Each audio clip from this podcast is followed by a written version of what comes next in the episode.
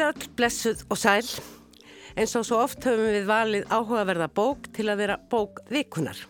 Reyndar er að þessu sinnum tvær bækur að ræða sem bera sama titil. Hvað er svona merkilegt við það að vera biskupsfrú? Fyrra og síðarabindi eftir Hildi Hákonadóttur myndlistakonu. Hildur hefur á ferli sínum skrifað nokkur fjölda bóka um mynd og vefnaðalist, um ræktun sem og um kvenréttindi. Til að mynda bókina Ég þóri, get og vil, Kvenna frídagurinn 1974, Vilborg Harðardóttir og allar heinar konurnar sem byggu hann til. Að sínuleiti má segja að það verk sem hér er til umræðum, hvað er svona merkilegt við það að vera biskupsfrú, sé hvern réttindaverk. Að minnstakosti er það hvenna sögulegt verk sem á rætur í því að Hildur ætlaði að kynna sér kvennamenningu í skálholti og komst að raunum að þær konur sem helst hefðu geta verið í fararbrotti í því samhengi, húsfreyjurnar, biskupsfrútnar á skálholtstóli, var barast að hvergi að finna í heimildum. Þær eru ósynilegar og við vitum ekkert um þessar konur sem hafa þó verið fremstar konur á sínum tíma mm. og hafa verið þar sem lutin voru stíð. Og fyrir en varði var hún komin á bólakaf við að grafa fram allar þessar konur.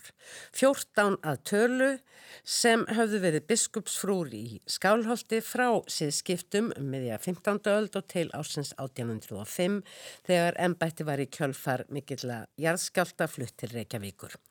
Fáina konu til viðbóta fórændir að fylgja með í þessum bókum til að mynda Leonora Kristín sem daldi svo lengi í bláturni í Kaupmannahöfn og er kannski ætlað að spegla biskupsfrúdnar í tilveru hátsettra hvenna annar staðar í heiminum.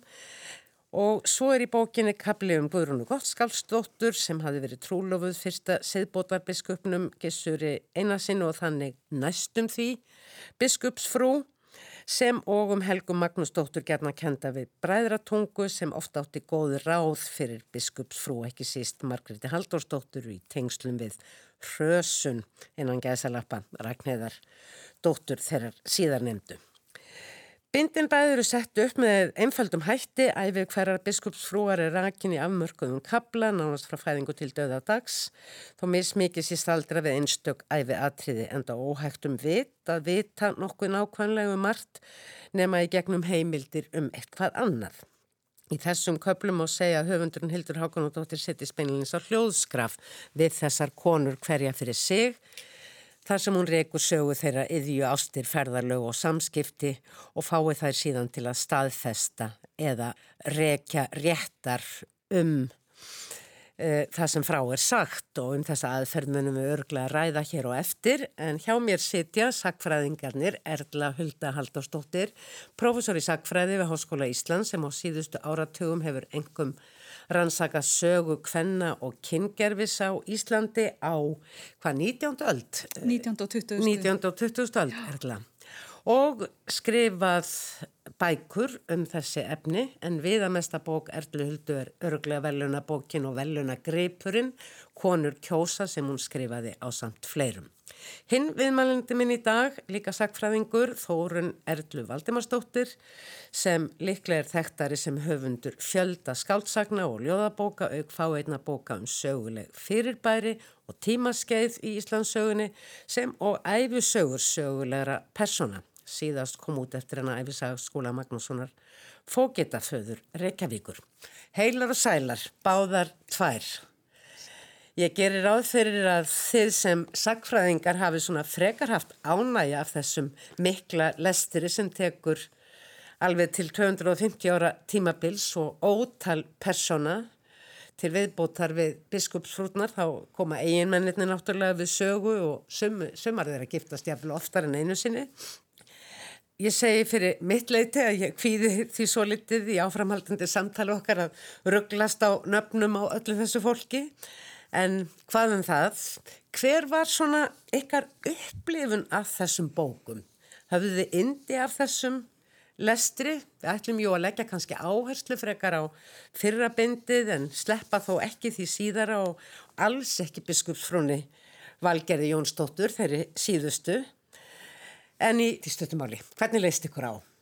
hvor á byrja? Já, þú til dæmis bara. Já, ég, ég átti satt að segja pínlítið erfitt með að komast inn í bókina af því að maður er svona uh, háskóla sakfræðingur mentaður af því að hún gerur þetta allt aðri vissi en um leið, þetta var eins og stígi skip um leiði var komin um borð þá var ég allsæl og, og dásamlegt. Það er frábært að skrifa bók með alla hennar reynslu um snertarlega heim uh, uh,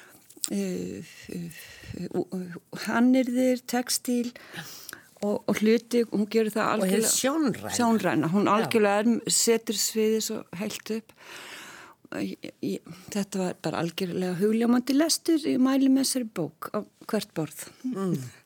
Erla Hulda. Uh, Já, ég hafði gaman af lesturinn, ég átti pínulítið erfitt sem Sakfræðingur. sem sakfræðingur, sem akademísku sakfræðingur og mér fannst reyndar sko svona þegar ég var að byrja á lestrinum, þetta, var svona kannski ofunulegt form og, og þá fannst mér sko svona allt lofa mjög, mjög góðu og svo pínulítið fannst mér svona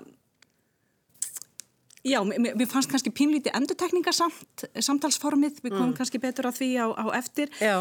en efnislega sko þá er náttúrulega óskaplega gaman að, að lesa um þessar konur og, sem, og, og það er verið að reyna að fylla upp í gött í sögunni eins og, eins og Hildur segir sjálf og þannig að upplifunin af því að lesa um þær, mér fannst það mjög skemmtilegt en, en svona akademíst séð þá, þá er, það er kannski umgjörðin eh, heimildanótkun og, og slíkt sem mm. að kannski tröflaði pínulítið lesturinn en hún byggir á gríðarlega miklu af heimildum Já. og Já. það skín í gegn, mikil rannsók. Já, heimildirnar eru náttúrulega skráðar uh, allar á margar blaðsöður aftast í bókunum en það eru ekki neðamálskreinar eða eftirmálskreinar eða hvaða nákvæmlega hvað er haldið nema bara sem er fléttað inn í textan. Já, og ég hefði, ef ég má skjóta því að hér, ég hefði kannski, mér hefði bara þótt betra þó það væri ekki nema eftir hvert kabla um sig.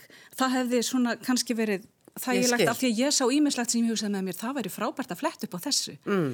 og, og, og sjá svona meira Já, hvað hún er að vinna Þetta er góð hugmynd fyrir endurútgáfu Já, en ég held hins vegar að þetta sé eitthvað sem að, að hérna, bara er frábært til að við ekki áhuga mm. En við tölum, all, tölum svolítið um það sko framsetninguna og aðferð hildar sem er dálítið sérstök því að eins og ég saði upp hafi, hún sest beinilins á hljóðskraf við þær og við skulum heyra aðeins hvað, hvernig Hildur sjálf lýsir þessari aðferð. En einhvern veginn það hefur bara komið til mín ef ég fyrir að rannsaka eitthvað svona, það er eins og viðkomandi persón að flyti inn hjá mér. ég, mm. ég segi ekki alveg að við drekkum tér saman en þær fluttu þannig inn að þær letu mig finna ef ég væri að fara með uh, vittleysu. Ég reyndi að stikla eftir og finna röka allt fjalli og passaði saman og það var eins og þeir væri með mér og nýftu alltaf í mig. Þannig komu þær og ég er að reyna að skrifa þetta þannig að ég geng út, sko konur hugsa meir í ring svona geng ég inn í æfi þeirra á einhverjum tímapunktum og horfi allt í kringum. Mm. Hvernig er þetta umhverfi sem þessi kona býr í? Mm. Og með þessu var ég að vona að ég kannski kæmi með hvernleiri frásögn á sögunni. Ég setti mér þá vinnureglu, ég skrifa allt niður sem ég get mögulega fundið um þessa konu.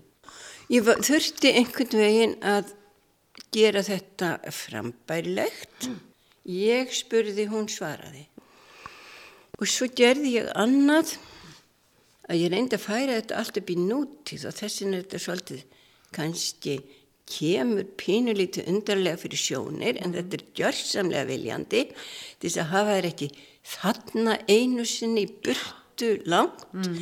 Ég færi þær inn til mín og þær tala um sína æfi í nútið eins og hún sé núna. Já, þetta er mjög sérstök aðferð gerir aðferðir fyrir sagfræðing en uh, fyrir sögu er þetta náttúrulega skemmtilega því að þú ert svo mikið með sem lesandi í flæði tekstans og þetta verður eins og hún segir ekki svona langt í burtu. Um, með þessu þá tekstin að koma með þessum ramma, hann eru bráðsnjall, hún sagðist að Feng, þú spurður hann og hún sagðist að fengi þetta hjá einhverjum kalla á elli heimili Já, já, sko, að, að þetta, þetta er kannski einstam í heiminum í svona bók. Það heldur svo vel utanum allar, allar staðritinnar og hún eh, býr þannig til ramma. Og hún fer að skoða blindablettin, einn kettlingin afsakið, ég er kettling kona Martins hétt Ingi Björg en föðunafn hennar er óþægt biskusfrú vant þetta, er að vísu Wikipedia en með þessu ramma þá tekst henni að týna til allt góðgæti sem mögulega getur fundið. Og þetta er bara segður og uh, þetta er skaldskapur og hún fer ekki lengt með það. Mm -hmm. og í staðan fyrir að vera hrókafull uh, kall upp með nefið upp í háskóla þá bara kemur henni svo batn og segir já þjóðin trúur að anda mm. og hér eru draugar. Og gerir svona batni og svo lítur hún í kringu sig. Auðvitað langar sakfræðingar kannski að finna hvaðan bitarnir eru. Ég, ég, ég, skil alveg, ég skil alveg það sjónamið en mikið óskaplega er þetta samt uh, skemmtilegt uh, nýtt sakfræðilegt form mm. sem er hálf skaldað skiljiði. Mér skildist á þér er, er það að þú að eitthvað hefði verið gert með þessum hætti í sakfræðinni Já, eða svona áþægt Já, sko, það, það er eiginlega tvent sem kom upp í hugan, sko, af því að þetta er ósala skemmtilegt form, ég er svo hjartanlega sammálað því, sko, það er að, það er hægt að gera alveg óskaplega skemmtilegt og þó ég hef sagt á þann að að svona mér fannst þetta kannski voru pínlíti líjandi þarna undir mm, lokin en þá samt sko Þetta eru náttúrulega svo áfbáslega margar sögur og langar já, já, af, af 14 mikla, konum og, og, og þreymur til viðbótar. Og þetta gefur svo mikla möguleika þegar þú í rauninni veist svona lítið um þær og hvernig ætlar einhvern veginn að, að spyrja spurningur einn að fá svör. Já. en þetta með samtalsformið að þetta sem þetta tvenna sem kom upp í hugan á mér, þetta tvent, það var sem sagt annars vegar þekkt bók eftir, eftir uh, eh, ítálsk-franska rítöfundin Kristín du Písan það er bara handskrifað, þetta er handrit frá cirka 1405 Já. Bókin um borg kvennana, hún er bara til í ennskum þýðingum, þetta er, þetta er svona klassík sem var eitt af því sem lærdoms, ekki lærdomslistafélagi í Íslandska bókumintafélag, ætti að hérna, Þetta kom ekki lærdomsreita röðinni. Já, þýða. Og þarna er í ástættumáli Kristín du Písan hún setur, hún setur þetta upp þannig að hún setur í herbygginu sínu og leiðist og, og grýpa bók og bókahillinu og það er svona hvernhattursrit eins og þau voru svo mörg á, á þessum tíma. Og hún bara fellur í eitthvað þunglindi, erum við svona hræðilega hræðilegar personur og, og handbendi anskotans og allt þetta við konur og, og syndum spiltar mm. og þá bara koma þarna þrjári að fjórar giðjur eða, eða sagt, svona digðir til hennar og þær fara að ræða saman og draga fram þekktar konur í sögunni sem voru frábærar og það eru að skrifa svona menningasögu hvenna. Þannig að þetta er það form og síðan er formáli að þekktri bók eftir bandaríska sakfræðingin Natalie Simon Davis. Uh, Women on the Margins heitur hún eða konur á jæðrinum og fjallar um þrjár 17-aldar konur sem eru mjög ólíkar að uppruna þjóðarni og trúar uh, og trú og, og slíku. Og hún skrifar örstuttan formála þar sem hún lætur þær tala saman og ræða það að hún sé að já. glíma við þær. Já, og auðvitað er þetta líka úr klassikinni, samræðulist og, og, og hluta klassísku námi. Þannig, þannig að þetta er... En við þurfum að tala svo margt annað. Mér langar svo að skella hér inn langdýri, að því þú mm -hmm. tala fast alveg fransku hérna uh, stóru, það er svolítið gaman að vera gamal sakfrækur með langa lífsín, hafa skrifað kristnisög og hlusta, hlusta mm. á alla frá uh, við vorum hérna stóra fjáröpundaverk sem engin veit um að því að það var ekki auglista því að allt ekki hafa búin borgaða en, en, en ég er bara búin að fá náttúrulega svona hugljómanu varðandi þetta að það er á þriðjöld eftir krist sem er bannað að byrjuð stúlkuböld og þá nær kirkjan valdi, hún varða regulera kynlífið Aha. skiljiði, þetta var útbært um allan heim í mannfræðinni að láta eina mm. dóttur lifa þarna verður þessi sprengja, við erum enn að lifa afleggingar í, í nýlendu tralala, mm. en síðan er þetta rillilega vald rómar. Mm. Hvað er þessi kristni? Rómavald við heldur valdi sínu gegnum þessa stopnun. Ég var svolítið lengi að ná sem að lasi þetta í sakfræðinu fyrir lengu en hún gerir það svo fysiskt, hún plokkar peninga, hún, hún heila þær okkur öll með einhverju skrítnu og Jésu Kristur hann er raun og veru uppreist mjúkamannsins á krossinum svo fyrir hann bara munkarnir og hins einstrákarnir í alls konar yeah. mjúkt starf og fá tilverurétt í heimi valdsins sem er Karl Abin og það er ekki fyrir bara eins og hún sagði 50 ár síðan að konur urðu einstaklingar Já. komast Já. út úr miðaldum Það var alltaf merkilegt í þessu viðtali að Hún gaggrindi mig eh, spurningar mínar að ég talaði um þessar konur biskupsfrótnar sem hóp mm. því að þannig hefði verið talað um konur og þannig hefðu konur verið eh, komið inn í sögun en ekki sem einstaklingar. Já og allir á miðaldum, enginn var með nafn. Nei sko. og svo er það í endurreysninni sem að séniði verið til Já, og allt kom frá, allt kom frá Guði mm. á miðaldum diacentrist en endurreysnin er mannmiðja. Mm. En, og nú er náttúrulega hvernmiðið verildin.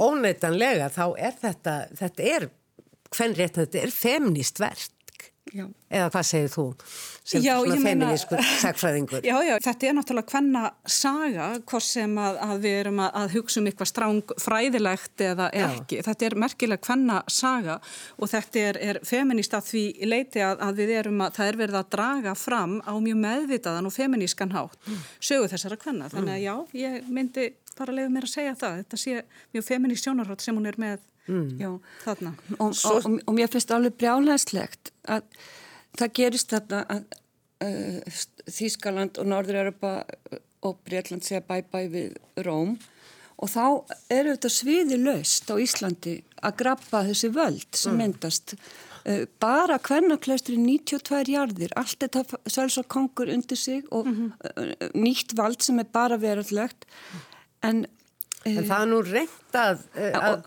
að stemma stegu við, við þessu, já, þessu en, aðskilnaði. Mm. En þessi dásanlega neðstæða hennar, ekki bara um að einu ætt sýtur í, í tværaldir, hvern ætt að ská skild, heldur er það af þessum gæjum sem eru síðskipta menn, þá eru þrjárbiskjusfrúr sístur, og þrjárbiskursúr eiginkonur, þetta er valda klíka. Já, þetta snýst um völd, þetta snýst um peninga. Og þetta er náttúrulega það sem við sjáum auðvitað Já. í sögun og þekkjum og líka frá síðaröldum og af því að þarna í mm. reyndar við alliðum ekkert sérstaklega fjallum eins og Þórunni Steffensen kannski sem er næst síðust, síðust þarna já, og undan valgerði Jónsdóttur giftist hann, finn, hann, hann þessi finn sinni þarna undir lok eh, já, 1780 minnum mig Og Valgerður síðan tekur við. Og Valgerður tekur við, já.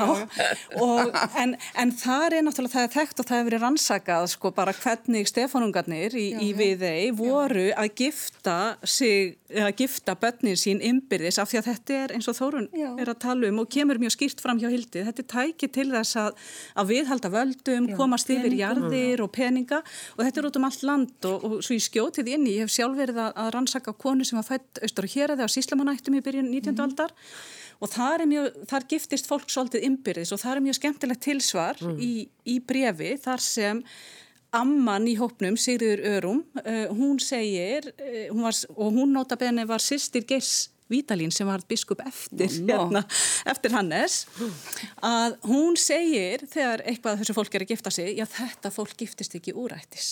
Þannig að það má úrættis. þannig að þetta er mjög ríkt í valdsættum. Ástinn skiptir það ekki öllu máli. og það eru reynilega allar síslum og stættur það er bara verið að passa bara, já, við þessa hýrarski en hvern, hvernig fannst ykkur þið svona fá tilfinningu um, fyrir svona, já hvað ég segja heimilislífi í, hún leggur nokkra áherslu á það í bókinni að, að hvernig var, voru samvistir við eiginmannin og hvort að uh, hann hefði ekki fært um klæði þegar hann kom, uh, þegar hann kom frá útlöndum, eitt þeirra fekk mjög mikið sendt fullt af allskins uh, hérna fínum efnum og, og, og beltum og ég veit ekki hvað og ekki hvað. Og, og hún lætur hann að svara já hann kom nú þegar hann fór uh, Erlendis að þá koma nú með handa mér og svona. Mm -hmm. en svo var hún náttúrulega líka alltaf ólétt mm -hmm. það segir mann ekki hver þeirra það var. En, en konarna fengu ekki að fara nefnum þessi eina.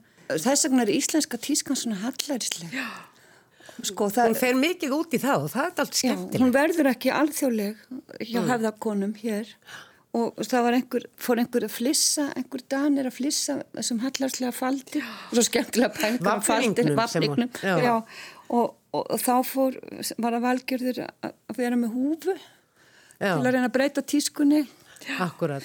En, en hugsa ykkur hvað kvenkinni er bátt að komast ekki til útlandað Það reyndar eru aðrar konursásum sem eru markvist farnar að reyna þetta á, sérstaklega snemma á, á 19. öld að fá að fara út um leið og kærastannir oh. til náms og, og það gengur ekki sko nema einstaka tilfellum en, en það er svo sem ennur sagði, mér, finnst, mér fannst ymmit svolítið skemmtilegt þetta og þar er hildur að nota heimildir sem eru til staðar og, og, og þar var til dæmis tilfinning eitthvað það sem ég langaði að vita hvaðan er hún kannski með þetta bara með ymmit með klæðinað já, já, já. og ymmit svona heimilishald og af því að það eru Svo. til uppskriftir og það eru til lýsingar og hinn og þessu.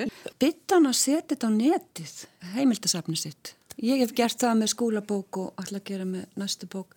Það, það, það leysir þetta. Já, já það, það er náttúrulega já. góð hugmynd og ég, hef, ég er búin að fara í feitt skjall. Já, það er ekki. Komum því hér með á framfæri, það verður gott að fá heimildaskrána á neti. En, hérna, en já, ég ætlaði bara, og því að það er til dæmis, hún er að tala þannum, var það ekki bara brúðkaup þórunar? þar sem er, sem við einmitt allir ekki að fjallum, en það er lýsing á hérna á bara því sem var mögulega borðað og mér varst það mjög skemmtilegt. Og þá fór ég að leita allon sé með lýsing á brúðkaupi Ísleifs Einarssonar sem er já, til já. í tímaritinu Blöndu. Mm. það er lýsing frá 1804 og það bara það er borðað rauðgröytur og hitt og þetta. Nema ég tók eftir hún segir að Þórun vildi ekki hafa rauðgröyt af því að hann var í gamaldags. En það var rauðgröytur hérna 1804 og, og það, svo lýsing er skrifuð af konu sem var í þessu tiltakna brúðkaupi og sendir í brefi til valgerðar mm. biskursfrúr. Þannig að það eru allar þessar tengingar, þannig að þetta er fullt, fullt af, það eru til heimildar og það er það sem ég var líka að hugsa þegar ég var að lesa bækurnar Já. af því að hafandi verið í kvenn og kynjásögu og þórunu þetta þekkir þetta líka, það er oft verið að segja og hefur verið sagt við mann, það er ekki takt að skrifa um þessar konur af því að það er ekki til einar heimildir og fyrir utan að þær voru ekki gerendur í sögunni, þær voru ekki þáttekendur í stórum ákvörðunum og mm. eitthvað bla bla bla. Við vitum svo sem ekkert mikið um það, en málið er að það leynast víða heimildir þannig að það þarf að fara held ég betur í skjálasöfn og með öðru sjónarhörni og, og það er kannski eitt sem ég gata ekki séð af, af bókum Hildar að hún hefði beilinis verið á skjálasöfnum en það, það er alltaf lægi fyrir eitthvað, þessa bók eitthvað, en, já, eitthvað já. þá. Og, og, en, en er að nýta ímis útgefin skjöl já, já, og, og rannsóknir. Ég held að gæti ímis ekki einst Já, og svo er náttúrulega beðið uh, vist verið að vinna útgáfu brefa Valgerða Jónsdóttir Já, það er stórkoslegt 435 Já, og við erum satt að segja, ég ætla bara að upplýsa það hér sko, við erum nokkrar svona áhuga konur um valgerði sem elskum hana svolítið. Ég, hef rann... mikill, sko, Já, ég hef ekki rannsakað hana sjálf en ég veit á handrítasafninu er gríðalur áhugi þar sem er náttúrulega verið að vinna þessu. Mm -hmm. og það eru 250 ár frá fæðingu valgerðar í, með minnar síðan í desember. Og það eru áformum kannski eitthvað pínlítið af því að veist, það er ekki einu svona til mynd af valgerði biskupsfrú Já. og hún er, nafnið hennar er aftan á leggsteini síðari mannsinsennar, síðari biskups, þarna út í Hólvallar. Ég vil fara og skoða það. Já, þetta er skjálfilegt og já. Mm. En það er svo margt í rauninni sem hún uh, svona læðir af í þessum já, já, skrifum sínum og hugleðingum og til dæmis uh, uh, hérna í sambandi við Kristínu Eyjólfsdóttur sem verður jú kona, já hvers hún kemur þarna í rauninni til þess að fá syndaaflausn eftir að hún og sýstur hennar hafði orðið óléttar eftir bróður sinn mm -hmm.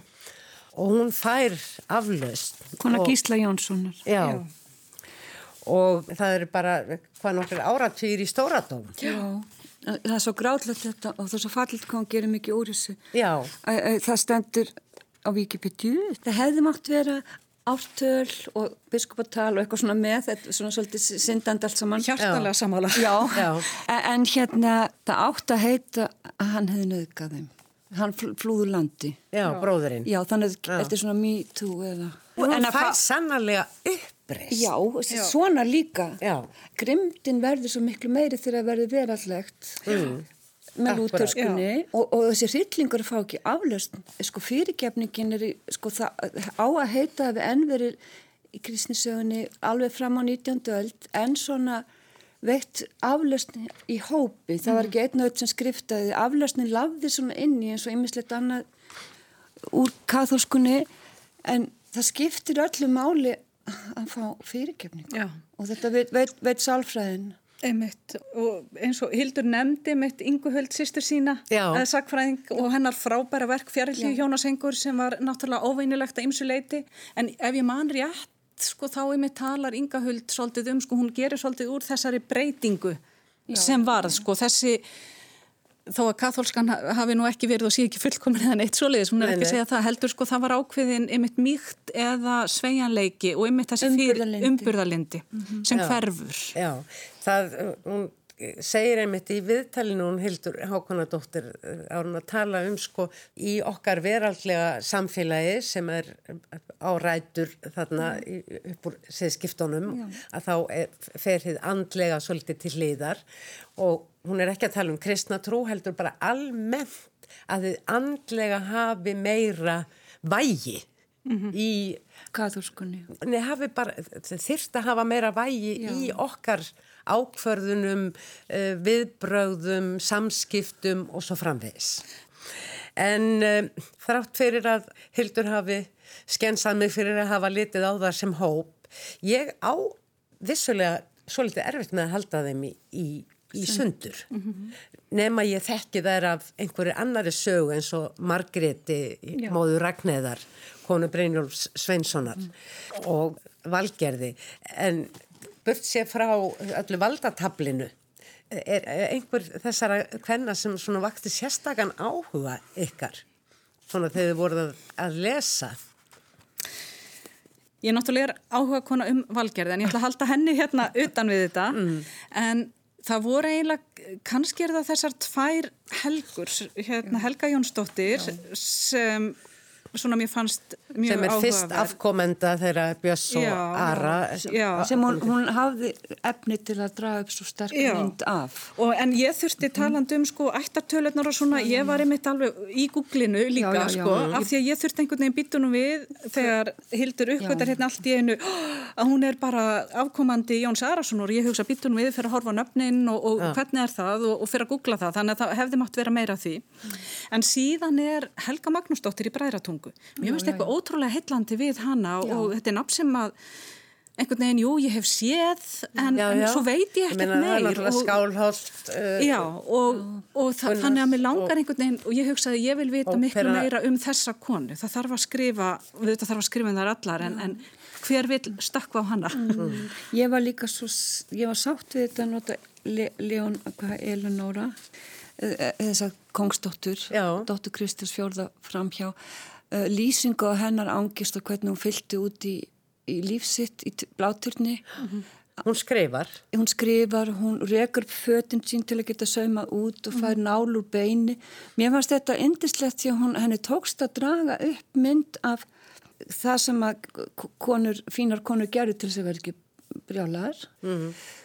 Útsemurinn var mikilvægur og, og, og að því að svo kona var hald, hald á blóði, þá gæti maður yfirfært hana Já, já, með sagt, einstaklingin og hópin og, og, og svona, það er kannski, ef við, ef við hugsum bara um sagnaritun, ef við hugsum um söguna Já. og svona hvernig sagan, sagfræðin hefur verið skráð, þá er það alveg rétt að konur hafa verið skilgreindar svona meira í hópum af því að þær eru einhvern veginn ekki taldar þessi gerendur, þær eru bara hafa eða voru afgreitar sem bara passívar eh, ekki gerendur í sögunni en ef við erum að hugsa um og, og það bara á sér stað langt fram á okkar tíma, getum við sagt en ef við erum að hugsa um sko einstakling sjálfið og einstaklingar sem eru farnir að, farnir að hugsa um sig á annan hátt, þá náttúrulega erum við þar með átjándu öld svona á alheimsvísu þar sem, þar þar sem einstakling sjálfið og þessi sjálfsvitund er að koma meira fram og þá í kjölfar endurreysnarinnar sem hún er að nefna sérstaklega Já, og- og, og, svona,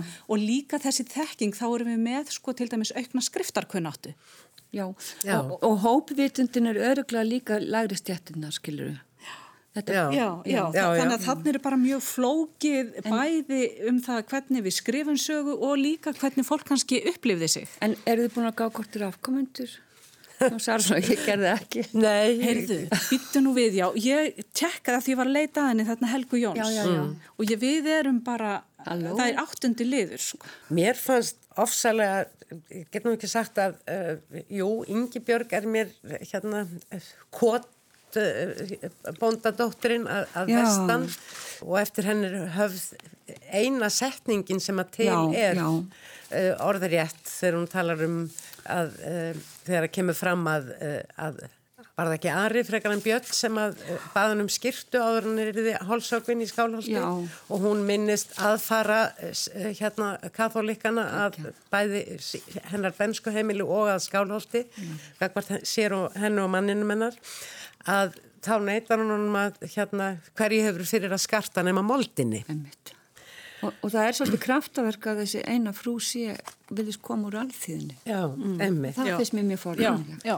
En það er líka, Hildur talar um það í viðtalinu, þessar konur, hún nefnir sérstaklega Helgu Jónsdóttur sem að eh, kom þessari breið ætt fylkingu þeirra uh, Jónssona Arasonar eh, Konu Odds á- Einarssonar. Já, konu Odds Einarssonar biskups og Valgerði Jónsdóttur, títnefnda sem konur sem áttuði sig á umbreytingum tímans, hvað var að, að, að, að það er um það byl að verða strömmkvörf og strömmkvörf gerast jú ekki einu vettfangi eins og maður les oft um í sögubókum eða upplifir af því að lesa sögur heldur er þetta náttúrulega alveg eins og siðskiptin. Það gerist ekki við, við högninguna þarna við högstokkin að þetta breytist heldur er þetta á þetta sér áratuga aðdraganda 30-40 ár. 35 er síðskiptin í Danmörku 1535 og, og síðan eftir á þá er náttúrulega lengi verið að reyna að berja á uh, trúvittnum Einmitt. Hilduvitnum. En ég er kannski svolítið hugsandi sko um að þegar þú ert að tala um þetta sko þegar hún átti sig á og, og það er kannski líka, það er þetta með sko þau orð sem hún leggur þeim í munn. Já, þú meinar að konurnar hafi kannski ekki átt að segja Nei, vel nei, og nei. hildur lætur í veðri Nei, vaka af því að hún er náttúrulega tólka og er í rauninni að láta þær og, og svolítið að skálda svo þetta sé ekki, Já, hún já, nota já. svolítið skemmtilegt orð þarna í formála segir svo þetta verði ekki á bláþráðarlegt Já, já. Já. mjög, mjög, mjög skemmtilegt þannig hún segir ég leifu mér að skálda Já. en hún er hins vegar að nota fyrirleikjand og þekktar heimildir upp úr, upp úr skjölum og bókum og lætur konurna segja þessa Hluti. hluti með út frá þá sínu sjónarhorni og þar fer Hildur að tólka og kannski setja svolítið í þeirra huga eitthvað sem við vitum ekki alveg hvort Nei, nei. sé í lægi en, ok, ég menna þetta er áhugavekjandi og skemmtilegt og allt það sko. En, Já, en það, það svona af því ég fór líka að hugsa um það er allavega á tveimur stöðum, hún segir sko hann að langa að vita hvernig þeir voru í raun og veru það er ekki alveg hægt og henni finnst hún þekkja þær, það er heldur ekki alveg hægt af því að ég fór að hugsa um frábæra klausu úr bók Bríðar Hjeðinsdóttur Já. leikonu um ömmu sína Bríti Bjarniðisdóttur, hún var að lesa öll þessi sendibref og hún segir, fólk geti haldið að mér finnist ég þekki allt þetta fólk af því ég er búin að lesa svo mikið af brefum, þar voru meira segja með orð þeirra sjálfra, en staðrendin er svo að þau eru bara til í huga mér. Og ég hef svo oft hugsað þetta og svo oft notað þetta af því að mér finnst þetta snild. Já. Þú gerir þitt besta, þú ert að tólka og, og, og eitthvað en þú þekkir ekki fólkið. Og mér finnst pínlítið hættulegt sko maður lætur sem að þekki fólkið sem er að er náttúrulega alveg að fást við einstaklinga, ég veit ekki hvort hún er alveg sammálaðið þessu. Manni finnst að maður þekki en hversu vel þekki maður, sérstaklega ef þú hefur ekkert af þeirra eigin orðum. Þetta, þetta er bara leikur sem að hún er mjög heiðarleg og allir sjá í gegnum. Já, já. Já, já. En hún segir, uh, sagði í viðtalinu við mig sem að má hlusta á á, á heimasíðu þáttarins bókvikunar að uh, henni finnist að hún hafi kannski án þess að hafa verið að reyna það tekist að að gera þetta langa tímabil og mjög viðburðaríkt sögulega séð það er mikla sviftingar sem er, eiga sér stað ekki siðskiptin einogunar vestlun kemst á og er afnuminn og svo framvegis. Og prentið í upphafi og síðan postþjónustan og ég veit ekki hvað og ekki hvað. Að, að gera að einfalda þær eins og hún orðar það, að gera þær meira betur skiljanlegar. Og ég verð að segja að fyrir mig sem er hvorki sakfræðingu nýri töndur að mér fannst ég fá aðra sín á þetta tímabil. Það er svo mikið búið að tala um horfellin og eldgósin og litlu ísöld og, og, og alla þessa erfileika en þarna erum við með fólk sem hafði kannski eða allavega, ég get ímynda mér að það hafi líka verið fólk sem að virkilega hafiði tóm til að hugsa. Mm -hmm. en, en hún er samt með þessar, hún segir, segir hún nefnir þessar stóru hluti, mm -hmm. það var ekkert smá uh, stanslöst hungur og ábáslega sektakent hjá öllum, já. já degjandi Raðirnar á beiningamannum í hálfhaldi Já, að því maður hefur sér myndi frá Belsen Belsen og útræningabúum fólk er svo langt leitt áður en það deyru hungri. En, en hún, hún er ekkit að smjatta á hún nefnir þetta og eins eldgóðsinn mm. og þannig að það, maður er alltaf með þá tilfinningu undir líka. Já. en hún dregur fyrst og fremst upp hún, hún vekur tilfinningu fyrir þessu. Og svo er alltaf Já, að held að það, ég held að það sé alveg, alveg hárið sko, og, og svona kemur með svona, eigum að segja svona, hvað er þetta að kalla, svona einhverja bara áhuga vaka Já. fyrir mann. Sko. Setur allt konfetti sem hann finnur í kassan. Mm. og svo allir, allir þessar kirkjubyggingar, það er endalust verið að endur byggja og la, lagfæra kirkjunar í skáflösti. Það er bara, það er bara svo mikið gjöf að hafa einhverja sín að forti landsinsins af því að maður er bara í margvít sko í staðan fyrir einni og, og, það, og, og það er svo mikilvægt að skrifa svona bækur sem að fólki, fólki nennir að lesa mm. Já, ég meina við getum já. kannski kallað þetta bara svona alltíðlega sakfræði alþjóðlega sögur, það er bara frábært og, og það er... Hugsa ykkur Íslandsklökkuna hún gaf mikið þó hún var kálvillus Allt sem vekur já. áhuga af því að bara eins og í fræðunum og bara það sem ég er að kenna í sakfræðinu fyrir grunn, fyrsta ás nema sko, það er spurningin um teng sakfræði skálskapar hvað hérna, hverji ráða því hvernig sagan er sögð og tólkuð og þetta þarf einhvern veginn að vera samspil svo margar að þátta. Mm. Og þarna er virkilega verið að, að koma með nýtt púsl inn í, eh, inn, eh, inn í leikin, inn í þessa upplifun, inn í þessa Já. skinnjun svo getum við deilt um sko hversu eh, satt og, og ígrundað og svo framvegist það já. er en það vekur áhuga það vekur áhuga, já, ég myndi segja að þarna væri svona nýtt eða, eða svona önnur tegunda, tegunda frásögn eða svona já. annað sjónarhort kannski og, og, og dyrmætt kona sem að uh, þú veist, búin að ná uh, góðum aldri og þroska og búin að vera að hugsa um þetta alla æfi Það tala um höfundin núna Höfundin, Hildi og bara ynga smá sístur fyrsti síslumar í Íslandi, ynga höld og, og þú veist og alltaf svo, svo menningarlega sinnuð. Mm. og það er bara virkilega fagnar efni að, að að hún, að kona með þessa sína og þessa reynslu og einna frumkvælin rauðsokkurrefingarnar hafi gert þetta. Já. Já. Og upphafið skulle liggja í því að hún hafi ætlað að rannsaka kanniriður og hvenna menningu. Mér fannst það, það svo skemmtilegt að hugsaði með mér opbáslega langa mig Já. líka í, sko við erum náttúrulega með hérna bókinina Þóru, þar sem eru er komað við sögu Þóru Kristjánsdóttur, einhverjar af, af Já, já, já. Svona þessum konum. Elsu. Já, já, Elsu konur. Já, og Elsa náttúrulega. Já, en, en þetta er, svo saga er alveg ótrúlega spennandi og mér finnst það reyndar sérst mjög vel í bókunum. Við vorum svona kannski hans að tala um það hérna áður en að við byrjuðum upptökuna. Að við værum, sko, við sjáum uh, listamannin, sem sagt, listakonuna, hún er þarna einhvern veginn að tala um muni, hún hefur þessa tilfinningu fyrir efnum, fatnaði, munum útliti, línum. Svo fannst mér óhefmi fallet hvernig hún lýsir breytingunni. Ég er búin að lasa síntum heilu bækundar um hvað breytist mikið samfélagið frá þeirra fyrst með rítöld og svo með prentun.